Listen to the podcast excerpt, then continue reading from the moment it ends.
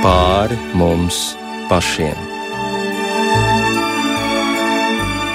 Esiet sveicināti raidījumā pāri mums pašiem, lai ir slavēts Jēzus Kristus. Studijā Inte Zēgnere un šajā vakarā aicinu jūs uz sarunu ar sirdsapziņas liecinieci, disidenti Lidiju Lasmani.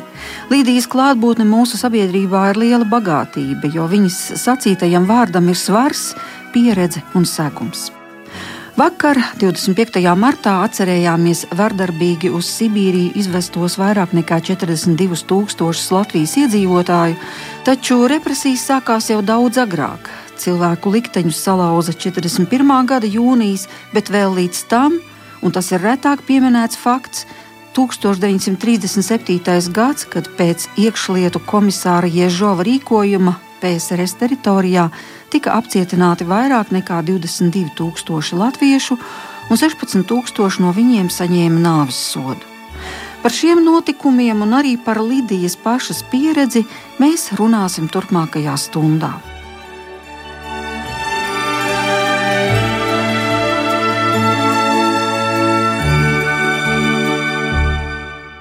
Latvija jau ir tikai septiņu gadu vecāka par mani. Mans tēvs arī atcerējās, viņam bija 93 gadi, kad viņš nomira. Viņš teica, ai, mētiņ, tu nevari iedomāties, cik īsi ir tas cilvēku mūžs.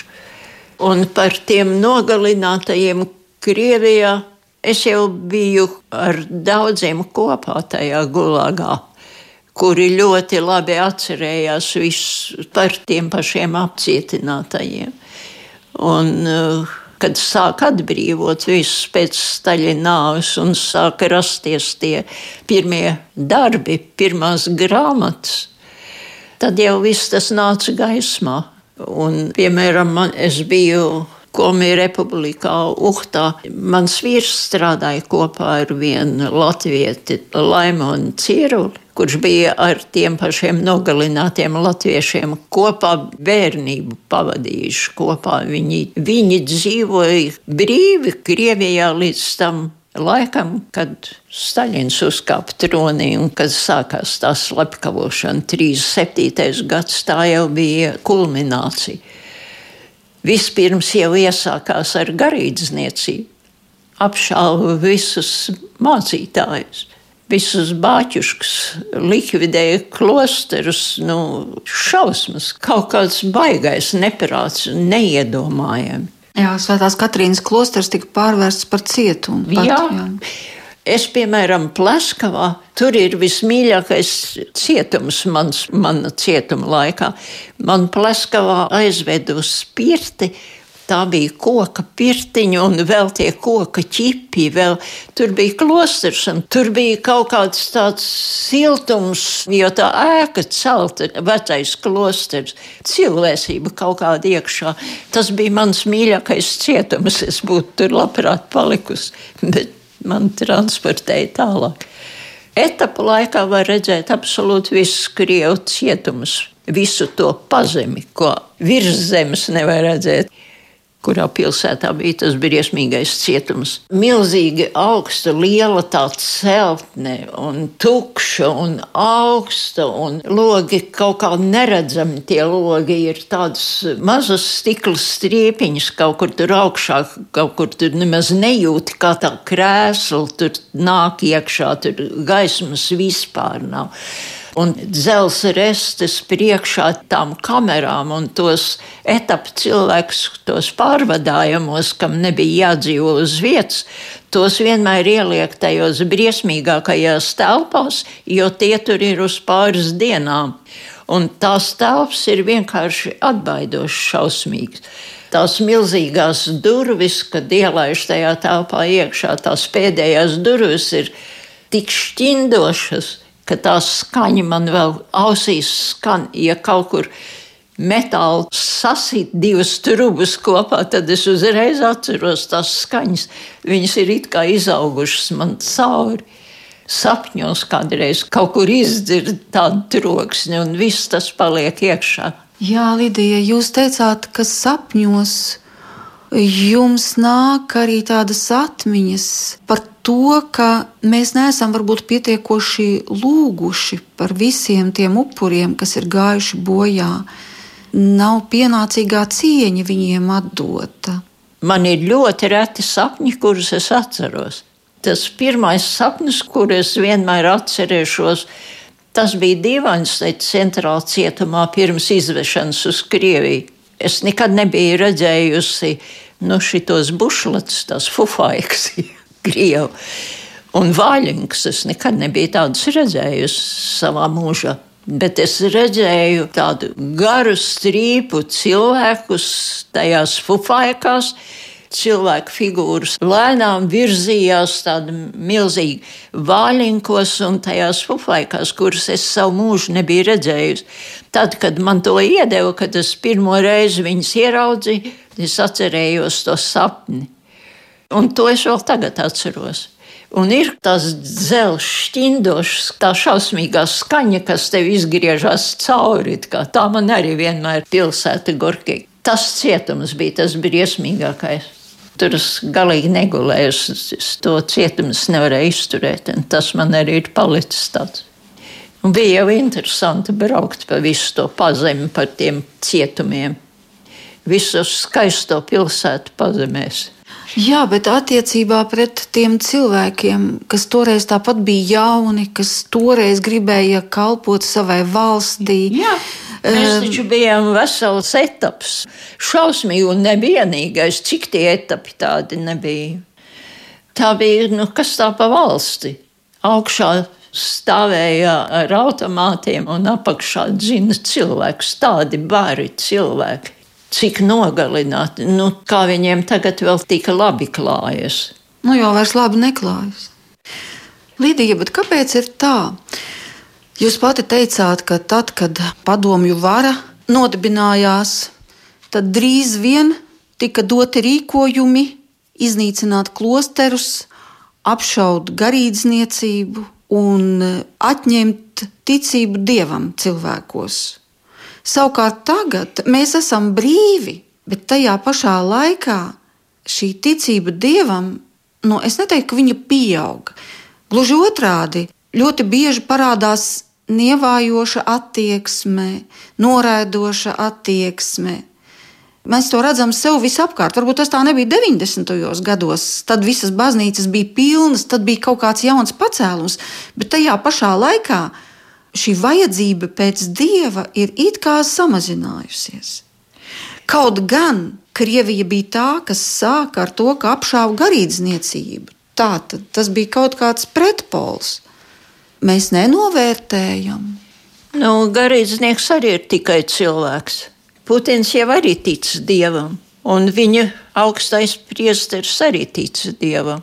Nu, bet ir jau arī sātans, un viņš ir briesmīgs. Ļaunais ir ļoti spēcīgs. Viņš taču pakļauj cilvēku un liek viņam otru nosist ne no šī, ne no tā. Vienkārši paraut viņam, paņemt to mantu Ļaunais ir briesmons, nejauks vienkārši. Un ar viņu ir šausmīgi jācīnās. Tās ir nejauks cīņas, es viņus pazīstu. Bet jebkurā valdībā, jebkurā laikā labu darīt vienmēr var. Arī tajā briesmīgajā laikā. Un arī tie paši, kuriem es biju pakļauta, kā nu, mani priekšnieki, mani vajātāji, viņi katrs ir savādāks. Un arī viņiem bija tieksme labu darīt. Es daudzreiz esmu pieminējusi vienu priekšnieku manā etapā, ka tevi pārved no cietuma uz cietumu. Un man bija jāsargā Bībele, ko bija atstājusi Mordovijas cietumā, kuru izdzina no Krievijas, atņēma dokumentus, izraidīja Ratušinsku dzēdiet. Mm. Viņi man atstāja savu bībeli un teica, es pie tevis braukšu pakaļ. Vienalga, kur tu būsi, es braukšu pakaļ. Un mani atved uz Rīgu atbrīvot, bet uh, maniem brāļiem latviešiem bija tāds naids uz mani, ka viņi man neatbrīvoja. Viņi man izsūtījumā uz Kalnu Altai veda, un tas bija šausmīgi garš etaps uz turienes 6000 km aizbraukt pa tiem etapiem. Divu mēnešu man sūtīja uz turieni, kamēr aizsūtīja. Tas bija trakākais laiks. Un man visu laiku tā bībele jāsargā. Un viens priekšnieks man pieņem, es, protams, eju ar to bībeli rokā, turu ciet un lūdzos, lai ne man viņu neatņem. Un viņš paņem un skatās to bībeli un šķirsta un skaļi domā, izdota Maskavā tādā tur gadā, baznīcas slāvu valodā, pēc vietējiem likumiem jums ir tiesības turēt pie sevis piecas grāmatas. Kāpēc viena no tām nevar būt Bībele? Lūdzu, dod man atpakaļ. Es biju pilnīgā šokā. Nevaru izdvest ne vārdu, bet saku viņam, paldies, lai Dievs jūs svētī. Viņš noliec galvu un teica, mana māte ir kristiete. Variet iedomāties, kāda es satiku priekšnieku. Es biju pilnīgi pārsteigts. Man tāds prieks, kas man pavada visu to laiku, jo zemes sāls ir viņa māte, ja dēls tā var runāt. Un viņš strādāja turpat, un viņš zināja tos likumus. Un mēs to Bībeli ar karcerīs sargājām. Un, cik reizes pieteicām badstreikiem, mums taisījās ņemt Bībeli. Jūs bijāt ar mieru sēdēt karcerī, ja jums grasījās atņemt Bībeli, un tajā pašā laikā, cik daudziem no mums tā Bībele stāv plauktā kā pilnīgi nevajadzīga lieta. Nu, Jā. Nu, kā tas tā var būt? Jā, bet labais jau nav iznīcināms. Jūs jau Dievu nevarat iznīcināt. Tas ir ļaunais, kas iznīcina. Tā tad ir tie abi spēki, un tur pilnīgi jūtami. Bet redz, kāda vērtība jums bija tā Bībele? Ka jā. jūs bijāt ar mieru Bībeles dēļ, jā, iet karcerī. Viņa mums bija viena. Ja mums būtu katram bijusi, tad varbūt būtu tā, bet viņa mums bija viena par visiem. Un mēs viņu studējām un lasījām un pārunājām, un mēs bijām tuvi tam visam. Jā, bet kāpēc Bībele jums palīdzēja izdzīvot? Dievs palīdzēja izdzīvot. Tas ir viņa vārds. Tas jau bija retums tajā laikā, nu, Bībeli. Nu, tās jau mums bija atņemtas un garīdznieki nogalināti. Tāda bija toreiz dzīve. Mani apcietināja, un es nepaņēmu jauno derību līdzi, jo es domāju, ka es nepalikšu tajā cietumā, jo man nebija nekādas vainas. Bet nu, es nepaņēmu līdzi, un tad es izmeklētājiem lūdzu, lai māsai atļauj atnest. Kad es aizmirsu paņemt, viņi man neļāva. Rīgas čeka negribēja, lai man ir tā bībele. Un tā es aizbraucu uz turieni. Tas bija vecs sieviešu cietums, un tur bija pirms mums, kas mēs tur tagad bijām desmit sievas. Pirms manas ierašanās bija tikko pēdējā aizvest no turienes. Tur bija sēdējušas tādas um, pareizticīgās, kas saucās īstina pravoslavnī. Īstās pareizticīgās ir kaut kāda slaunovirs. Un tās sievietes tur bija padomi varu uzskatījušas par antikristu valdību, un kad priekšniecība pie viņiem nāca, Un kad viņas veda uz karceri, tad viņas bija sev taisījušas. Karcerī iedod izģērbi, atstāja tikai krūšķuru biksītes un tādu pusbrezentu audumu kleitu virsū, tādu, kas galīgi nesilda. Un tad viņas bija sev tās vecenītes sašuvušas tādus krūšķurus, no dažādām lupatiņām vienotrai virsū, nu, bet tā ir silta, tāda silta veste, kuras viņas par krušturiem turēja. Un tādas pašas bikses, nu cik nu var tur līdz. Un mēs tās vilkām, jo vajadzēja būt 16 grādiem pēc noteikumiem siltumam. Bet tur pie griestiem bija 16, bet apakšā sasala ūdens uz cementa grīdas. Tāda tā kārtība visur bija Krievijā. Tur nekad nekas nebija pēc noteikumiem. Tās tantes bija to bībeli iekarojušas, kas pirms mums tur sēdēja. Un no viņām tā bija palikusi. Jūs to bībeli nosargājāt? Es nosargāju. Es to bībeli Ratšīnskai devu.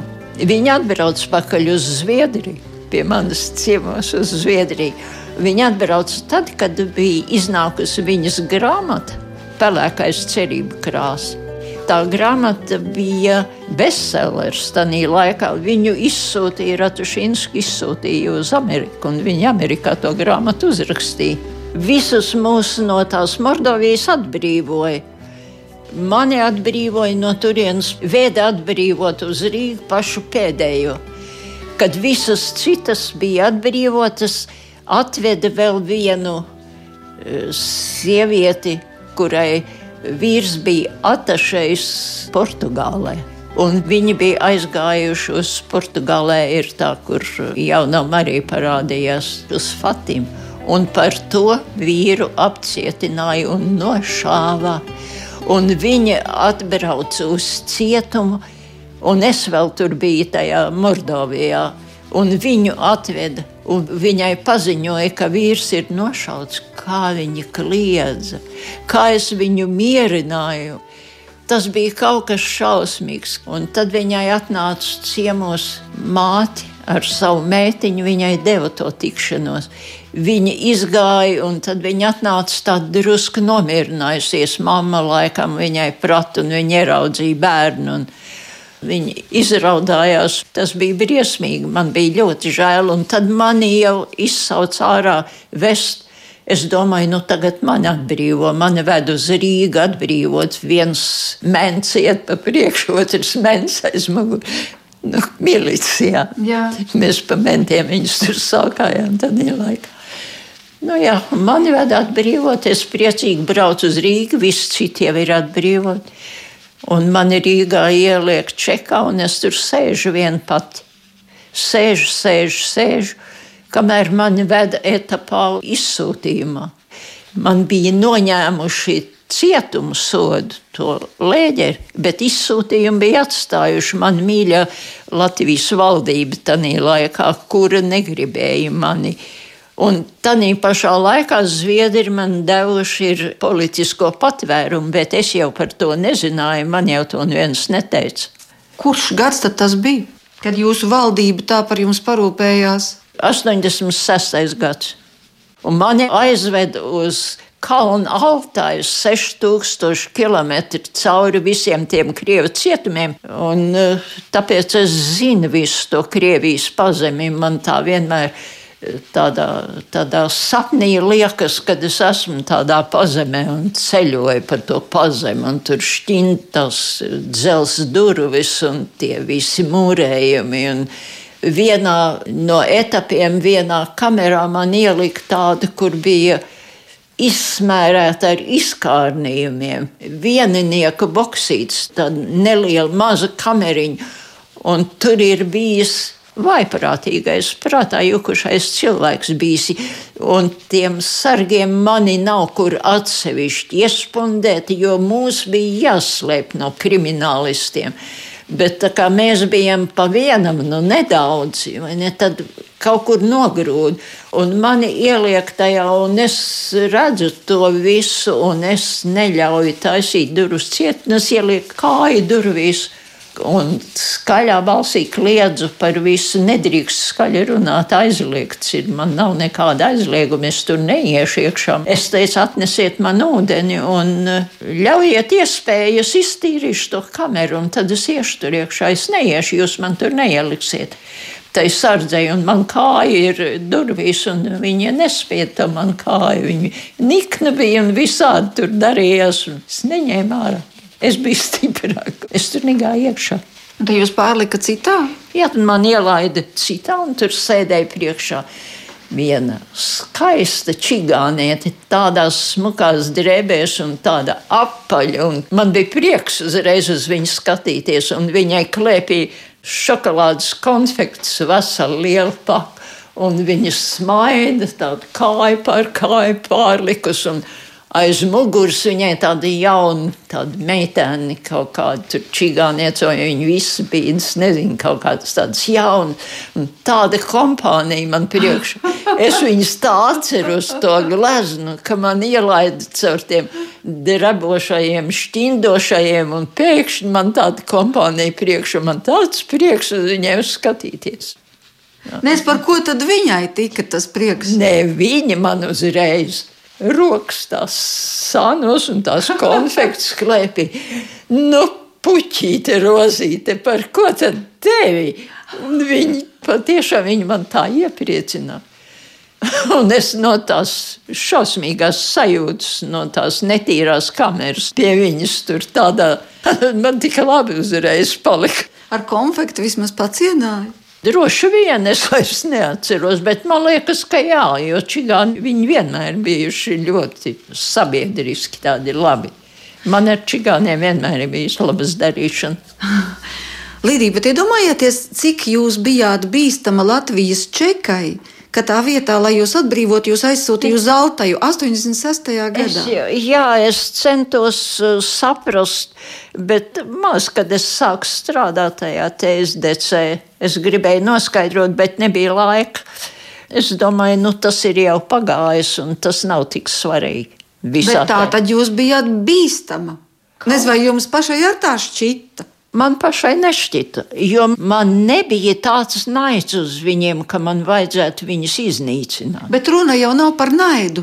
Runa ir par jūsu izturību un pārliecību. Un tā ir tā lielākā bīstamība, ja cilvēks nelokās visos vējos, bet viņš stāv par savu pārliecību. Nu? Brīnums jau ir arī tas, ka man tuliņ, tuliņ būs simts gadi. Arī tas ir brīnums. Nu, Un to jau arī nevar neviens izskaidrot, ne es pati, nekāds cits. Dievam ir kaut kāds plāns ar mums visiem, jo Viņš jau ir mūsu radītājs. Mēs jau bez viņa nevienu soli, neko, neviens elpas vilciens mums pašiem nepieder. Un man ir bijis tas viss vajadzīgs, varbūt, protams. Jo es visu saņemu no viņa, par visu esiet pateicīgi, ir rakstīts tajā Bībelē, ko mēs tur lasījām. Un, un ja par visu, tad paldies arī par to. Un patiešām paldies, jo es taču nebūtu zinājusi to visu, neejot tam cauri. Tā kā jebkuros apstākļos, kur mēs esam, tie ir no viņa. Ticiet, ka tas ir uz labu. Galvenais ir nezaudēt ticību. Cik es biju priecīga, kad mani cauri visam šitam šausmīgajam etapam, kuram divu mēnešus ceļoju cauri, kad es beidzot aizceļoju uz to Mordoviju. Un tur ir tādas deviņas sievas, uz durvīm rakstīts plakāts, ir dzējās atcerēts Irīnas Ratušīnskas atcerēts plakāts, ka jānoslauka kājas. Kā tas tur bija, ja tu gribi tīru sirdi turēt ar mums draudzēties un ritmā uzrakstīs, Jā. tad kājas noslaucīt. Un es slauku tās kājas, ilgi slauku tās kājas un saku, gribu draudzēties. Jā, un ieej iekšā, un tur tādas sievas, tur tāda dzīve un uh, liels plakāts krasīva žitņa zapreķīša. Skaisti dzīvot neaizliegs. Jā, un tur sievas šuj darba cimdus, un tajos piegriezumos ir kaut kādas brīvas lupatiņas, kas tur pieķērušās klāt, piegrieztas. Un no tām ir uztaisītas zalvetītes uz galda zem visām tām alumīnija lielām puslitra kruškām, no kurām mums bija jādzer tēju. Tās ir uz zāletītēm un skaisti uzklāts galdiņš, krasīva žitņas apretīšs liels. Jo visu mums var aizliegt, bet skaisti dzīvot neaizliegt. Uzskaitīti putrājumi, cik mēnesī pienākās un viss kaut kas cits, cik tur pienākās vien, cik tās eļļas un cik tā cukuru un cik tur sāli jābūt un viss ir ieskaitīts, ka mums tas pienāka. Vai tas tai katlā katreiz bija, tas nu gan ir jautājums. Liels jautājums, jo vairāk mēs bijām badā. Bet skaisti dzīvot neaizliegsi. Bet skaisti dzīvot neaizliegsi. Tur jūs satikāt lāgli, pareku jā. un droši vien vēl dažas jā. labas meitenes, ar kurām draudzība ir uz visu mūžu. Nu, jā, protams. Tur mēs visi bijām viensprāts, jo mēs gribējām tikt vaļā no šīs sarkanās, briesmīgās varas, slepkavnieciskās varas. Bet tad, kad visi atbrīvojās, tad katrs sastājās savā partijā. Bet jūs nesastājāties partijā? Es nesastājos partijā. Tečera brauca ar manu vārdu uz Reikjaviku, lai atbrīvo un tā tālāk. Reigens laikam arī. Nu jā, nu Reigens. Jānis Pāvils aizbrauca pie Rēgena. Viņi taču abi divi ticīgi cilvēki. Jā, Paldies viņiem! Tā aizstāvība jau tāpēc ir, ja viņi arī iejaucās. Nu, ko nozīmē? Man bija vēstules tajā aizstāvības laikā, nu, un kādi latvieši man tās vēstules rakstīja. Bija pāris vēstules, uz kurām es neatbildēju, jo vienkārši tas bija neizturami. Es mīlu Latviju, bet es nevaru ciest to jūsu valdību. Viņi taču nekā nejēdz. Man agrāk viena man rakstīja. Viņa neieradz, viņa neieradz šitos latviešus, kas te dzīvo, tie nemāk uzvesties, nemāk tādu valdību uztaisīt kā viņiem Amerikā. Saprot, cilvēkiem iedod tikai labumu, viņš tur paliks uz mūžiem. Es nevarēju atbildēt, un es neatbildēju arī tagad uz tādām vēstulēm. Nu, ja tev tā zeme ir labāka kā manējā, nu tad dzīvo tur skrien un brauc uz turieni. Gan jau kāds paliks, kas šo zemi vēl mīl, gan jau Dievs sūtīs mums kaut ko, lai mēs viņu atkal iemīlam, gan jau būs. Cerība taču mirst pēdējā, un es vēl esmu dzīva ar visu savu cerību, ticību un mīlestību. Jā, es eh, cietumā iegāju muļķi bērns, skuķītis kas mīlēdams savu zemi, arī savējos aizstāvēja un gribēja karot ar tiem, kas viņu nemīl patiešām. Līdija, bet vai bija kaut kādi īpaši Bībeles panti vai vietas, pie kurām jūs sevišķi turējāties tur, tajā izsūtījumā? Nu, mēs jau dažkārt pieķeramies. Trešais psalms. To jau tu arī zini no galvas. Dievs ir mans gans, man netrūks nenieka. Viņš mani ved zaļainās ganībās, viņš mani vada pie skaidra ūdens. Jā. Un manam ienaidniekam redzot, viņš man pabaro. Kaut arī staigāju tumšā ielā, taču ļaunuma nebīstos. Tu klāji man galdu maniem Jā. ienaidniekiem redzot. Jā. Un viņš to darīja. Maniem ienaidniekiem redzot, viņš uzklāja man galdu. Jo mēs svētku dienās mēs sakrājam savas nabadzīgās pārtikas, un tad mums varēja atsūtīt eh, banderolēs līdz kilogramam. Un mans brālēns man bišu produktus veseli iedomājies. Visiem mums pietika veseli kilogramu ar bišu tiem Un tie bija mūsu vitamīni. Mēs katru rītu ēdām no tā viņa kilograma. Un kuram bija dzimšanas diena, tad uh, iepriekšējā sarēķinājām, cik mums vajadzēs. Mēs sakrājām maizi ar eļļu un ar cukuru, un bija brīnišķīga torte. Un skaisti dzīvot. Neaizliegsi. Neaizliegsi. Mums bija mūsu torte, un mums bija katras valsts karodziņi. Man bija sarkana, balts, sarkanais. Mūsu... Tiešām tos neatņēma. Tas tiešām brīnums. Jā. Man bija 60 gadi, palika lēderī. 55 gadiem bija jau varēja iet pensijā. Un eh, es atteicos strādāt, jo es pareiķināju, ka mana pensija viņiem vēl palika piecīts pāri, ko es apēdu tur cietumā. Vēl piecīts pāri palika no tā, ko es cietumā ēdu valstī pa labu. Un man atļāva nestrādāt. Un es nestrādāju tāpēc, ka viņam, ja viņš sašauja tos cimdus, cik tur tie pāri bija jāsašauj, tad tie vēl vakarā pēc tās šūšanas, pēc darba, vajadzēja viņus vēl izgriezt uz labo pusi, to sašūt, un tad tu vienkārši tev nakts melnums tikai pagulēt sanāk. Un es viņus izgriezu, kamēr viņš, un mums vakars bija brīvs. Un Irīna varēja lasīt savas dzējas, un mēs varējām lasīt, pārspriest psalmus, mācīties, pārspriest paņa Jadviga mums bija. No Lietuvas. Jā, un viņa sēdēja par svētdienas skolas dibināšanu un vadīšanu. Un vēl blakus mums tā intriganti, tā ptīca, kuru mēs saucām par ptīčku, nu, lai nelietotu viņas vārdu. Tā viena no tām ieslodzītajām. Jā, viņa speciāli tur bija ielikt. Viņai bija sacerēta tā, it kā viņa būtu ielauzusies amerikāņu vēstniecībā, kaut kāda apsūdzēt. Viņai tāda sacerēta bija un iebāzta pie mums. Mēs jau to pēc sacerējuma uzreiz varēja saprast, kas tā pa lietu. Tas 23. psalms, tu klāji man galdu maniem ienaidniekiem, Jā. redzot, mans kauss ir piepildīts pilns līdz malām.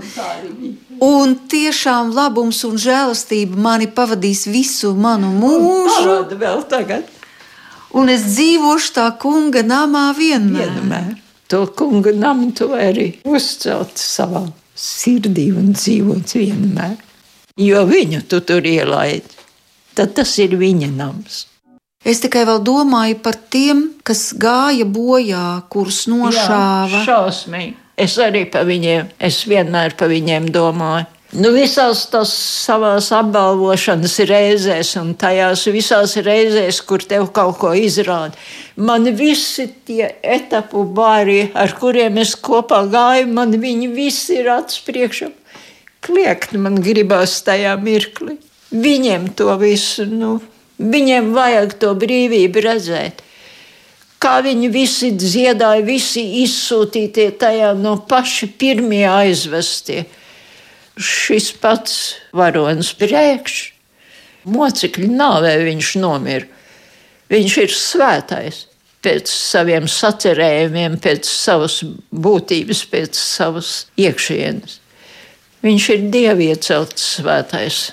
Bet vai mēs tomēr neesam lielā mērā parādā tiem viņiem, daudzajiem nezināmajiem, kuru biogrāfijas varbūt tikai tagad īsti veras vaļā, ja tu sāc par to lasīt un interesēties. Un tad tu ieraugi, kādi cilvēki ir bijuši, kādi mūži, ko viņi ir ziedojuši. Bet kā lai to parādu atdod, vai šis jautājums jūs nav nodarbinājis? Kā mēs vēl to savu pateicību viņiem varam izteikt? Viņiem mēs nevaram, bet mēs varam Dievam pateikties par viņiem. Lai visi neticīgie sāk skaitīt, tā kā imants sāk skaitīt. Es skaitīju un nonācu pie, pie viena. viena. Lai viņi visi skaita, kamēr nonāk pie viena. Es apraudējos to dzējoli izlasot no prieka. Brīnišķīga garīga dzēja. Jā, jā. Un tādas mums ir tik daudz, un uh, latviešu dzīsniekiem tik brīnišķīgi garīgā dzēja. Vai jums ir kāds no Leonīda Breikša dzējoļiem, kas īpaši mīļš? Nu, protams, lūkšana laikam pāri visam. Es jau biju vēl tādā laikā, vēl dzīvoju, ka viņš bija dzīvs. Un uh, svēts mantojums šī zeme mūsu tautai. Mīļā pasaulē. Mēs taču to dziesmu dziedam, viņu nepieminot to mocekli nepieminot. Tā ir, jā, Norvīds nu, sarakstīja ka mums vēl ir tā dzēja. Nu, tā ir viņa dzēja. Saprotiet, ko jūs dziedat. Palūdzieties tajā vietā, apraudiet viņu, šo dievu sūtīto mocekli. Mūsu nogalinātie mācītāji tos arī var kaut kādā raidījumā pieminēt vai dieniņu. Es lasīju viņu lietas, tur sēdēdam, es varēju tās lietas dabūt. Un kā tie liecinieki, trīcot no bailēm, visi izstāstīja patiesību. Un kurš centās, ja viņš izstāstīs patiesību, tad viņu neaiztikt. Taisn otrādi, jo vairāk viņi uzzināja tās patiesības, jo viņu vairāk vajāja. Jā, es arī nebiju tik gudra kā Astra, neatbildēt nemaz. nemaz. Reizē man gribējās runāt, zināt, ko viņi domā, kā viņi kas tie ir par cilvēkiem, kas tā var kalpot. Es domāju, ko viņš man vēl pajautās. Kā var tā domāt, kā var tā jautāt, kā tā var? Ja? Man gribējās aiz ziņkārības viņam kaut ko atbildēt. Nu, bet jūs jau tur runājāt patiesību acīs. Nē, bet viņ, viņš man, tad es patiesībā viņam pateicu acīs, ka viņš pats ierosināja, es citādāk vairs nevarēju. Tā kā par to Anšela Veglīša grāmatu par tām piecām dienām. Jo man bija jāpiekrīt viņam, viņš jūs taču piekritīsiet, ka te ir it kā teikts, ka mēs ka ir izvestie, jo tā jau nav patiesība, jo viņš melo šī grāmatā, tā nekad nav bijis. It kā cilvēki ir izvesti, nu es ieplēšu acis, un man vairāk neko tālāk nav ko teikt. Un es viņam saku, un mēs divi cilvēki to pieredzējuši, pārliecināsim viens otru, ka tas it kā bijis. Un es saku, es jums vairāk neatbildēšu, nevienu vārdu. Tas ir viss. Nesauciet mani vairāk, bediet. Un viņš nopriecājās. Viņš teica, tas ir labāk par visu. Un nolaid man lejā, un es tur sēdēju, kamēr man aizsūtīja uz to Mordoviju etapu. Dievs jau nav teicis, ka mums Viņš teica, par visu esiet pateicīgi, par labām dienām un arī par ļaunām dienām jo viņš jau nedod neko tādu, kas mūs pazudina. Viņš jau mums liek ciest, jo un kā tad Kristus? Ja mēs saucam sevi par ticīgajiem, tad jājautā, kā tad Kristus? Un kā tad viņš pie krusta? Un kā tad viņš teica, Dievs piedod viņiem, jo viņi nezina, ko viņi dara? Dievs jau raksta to pasaules vēsturi un dod tās varas mums. Bet arī dod mums iespēju izvēlēties. Nu, jā, jā, un dod mums iespēju palikt pie viņa. Un kā tad Kristus? Mēs taču sevi saucam tik lepni, es esmu kristietis. Nu, kas tu par kristieti, ja tu nekad neesi cietis neko Kristus dēļ? Lidija, bet jūs tos savus pratinātājus pēc tam, kad Latvija kļuva brīva, jūs vispār kaut vienu no viņiem sastapāt? Zini, man bija tik grūti par tiem daudziem stukačiem. Bija tik grūti, ka tik daudz latviešu ir stukači. Kad es aizmiedzu acis, un es negribēju viņus pazīt, un es teicu, kungs, es negribu viņus satikt, es negribu viņus redzēt. Un pēc tās lielās drauga nodevības Es nepavisam negribu. Es, man bija ļoti žēl, ka es nedabūju izrunāties, ka viņš nomira, tas mans draugs nodevējs. Un es kā muļķi uzticējos nu, draugam, nu, brāļa draugs, mans nu, sens vecs paziņš. Nu. Nu, patriots, nu, kā tu neusticēsies savam patriotam? Un es jau nenožēloju arī, ka es uzticējos tā. Man bija arī mācība par piedošanu. Un tomēr šādi pieminu, kā tu tomēr varēji, jo mēs taču Rubeņu baznīcā blakus stāvējam un mūsu tēvs lūdzamies blakus. Un, ja es to atceros, tad es reizēm iedomājos, nu kā tu tomēr varēji. Ja grūti ir piedot, diezgan grūti, bet dzīvot ar nejaukumu pret viņu un pret visu to es arī nevaru. Un atkal pēc paradumu jālūdz, kungs nāc un izšķir šo lietu. Atkal jāuztic tas, tā kā tu visu esi uzticējis, pierasts uzticēt. Un kā tad Kristus, un kā tad Kristus, ka viņu nodeva, ka Pēters nodeva? Es viņu nepazīstu. Un atkal jāatcerās tas viss. Ja tev ir Kristus, tad tu esi spējīgs dzīvot. Kā var bez viņa? Teikt, ka mēs esam pilnīgi brīvi savā dvēselē, tas būtu skaisti, bet tomēr mēs esam arī ierobežoti kaut kādā veidā. Bet Dievs taču mēs mūs ir aicinājis brīvībai. Pastāv taču labais un ļaunais. Pastāv viņš. Viņš arī ir, un viņš ir stiprs un spēcīgs. Vienīgais lūdzu, neieved mūsu kārdināšanā, bet atpestī mūs no ļaunā. Tā ir mūsu lūkšana, kas vienmēr būs. Un viņš ir žēlastība, un tāpēc mēs esam dzīvi un veseli. Jo Dievs ir mīlestība. Viņš ir gars, mīlestība. Tāds ir Dievs. Mēs jau viņu mēģinām kā tādu leli izveidot, kādu formu viņam piedot.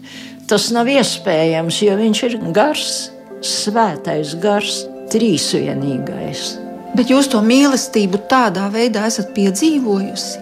Nu, Dievs ir mīlestība. Viņš mani mīl, es tam ticu. Jo viņš man nav pazudinājis tajā ļaunumā, ko es esmu izdarījusi. Es viņam lūdzu atdošanu. Bet, Līdija, nu mēs dzīvojam šajā pasaulē, rīkojamies pēc šīs pasaules likumiem, šiem dabiskajiem likumiem. Nu, tā mēs dzīvojam kā reāli cilvēki. Bet tad ir tādi brīži, nu, kā tas ir bijis svēto dzīvē, ka viņi no šiem dabiskajiem likumiem sāk dzīvot pārdabiskajos likumos. Nu, māte Terēze, vai, vai Pēters, kurš pēkšņi izkāpa no laivas un sāka, jā, viņš sāka staigāt pa ūdens viļņiem. Teiksim, cilvēki, kas nebaidās dieva dēļ, bet iet cietumā, jau, nevis piedot savu labumu. Jā, nu, vienmēr ir tas mūsu cilvēciskais, mūsu cilvēciskā daba, pie kuras mēs stingri turamies, bet tad ir tā dievišķā daba, kas ļauj dzīvot pilnīgi citādāk nekā nu, tā mūsu sautīgā daba no mums pieprasa to savu labumu, savu labumu. Ir tā, ir cilvēki, kuriem tas izdodas, un arī jūs tam esat gājusi cauri. Ja?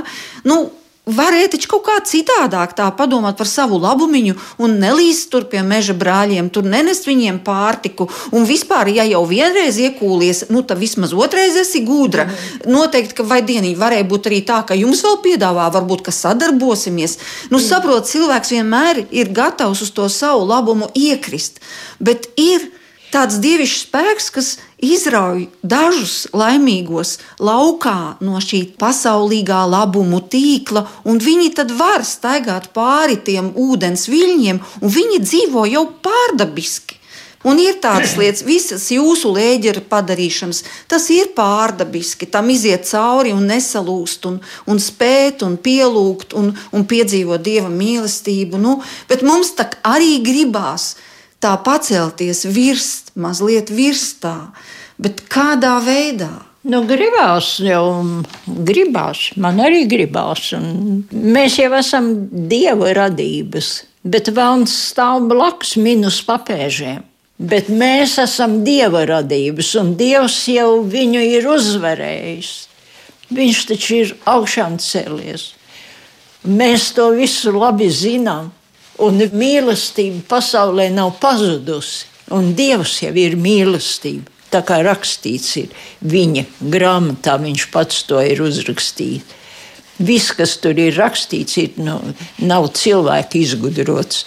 Dievs pats to ir uzrakstījis. Tā tas ir. Tas ir viņa vārds, kurš tapa miesa un atnāca pie mums. Viņš vienmēr mūs māca un vienmēr mūs aicina. Un Kristu viņš atdeva, atsūtīja mums, lai mums būtu kur pieķerties, kam izsūdzēt, kas nomira par mums, par to nelabo, ko es izdarīju, viņš nomira.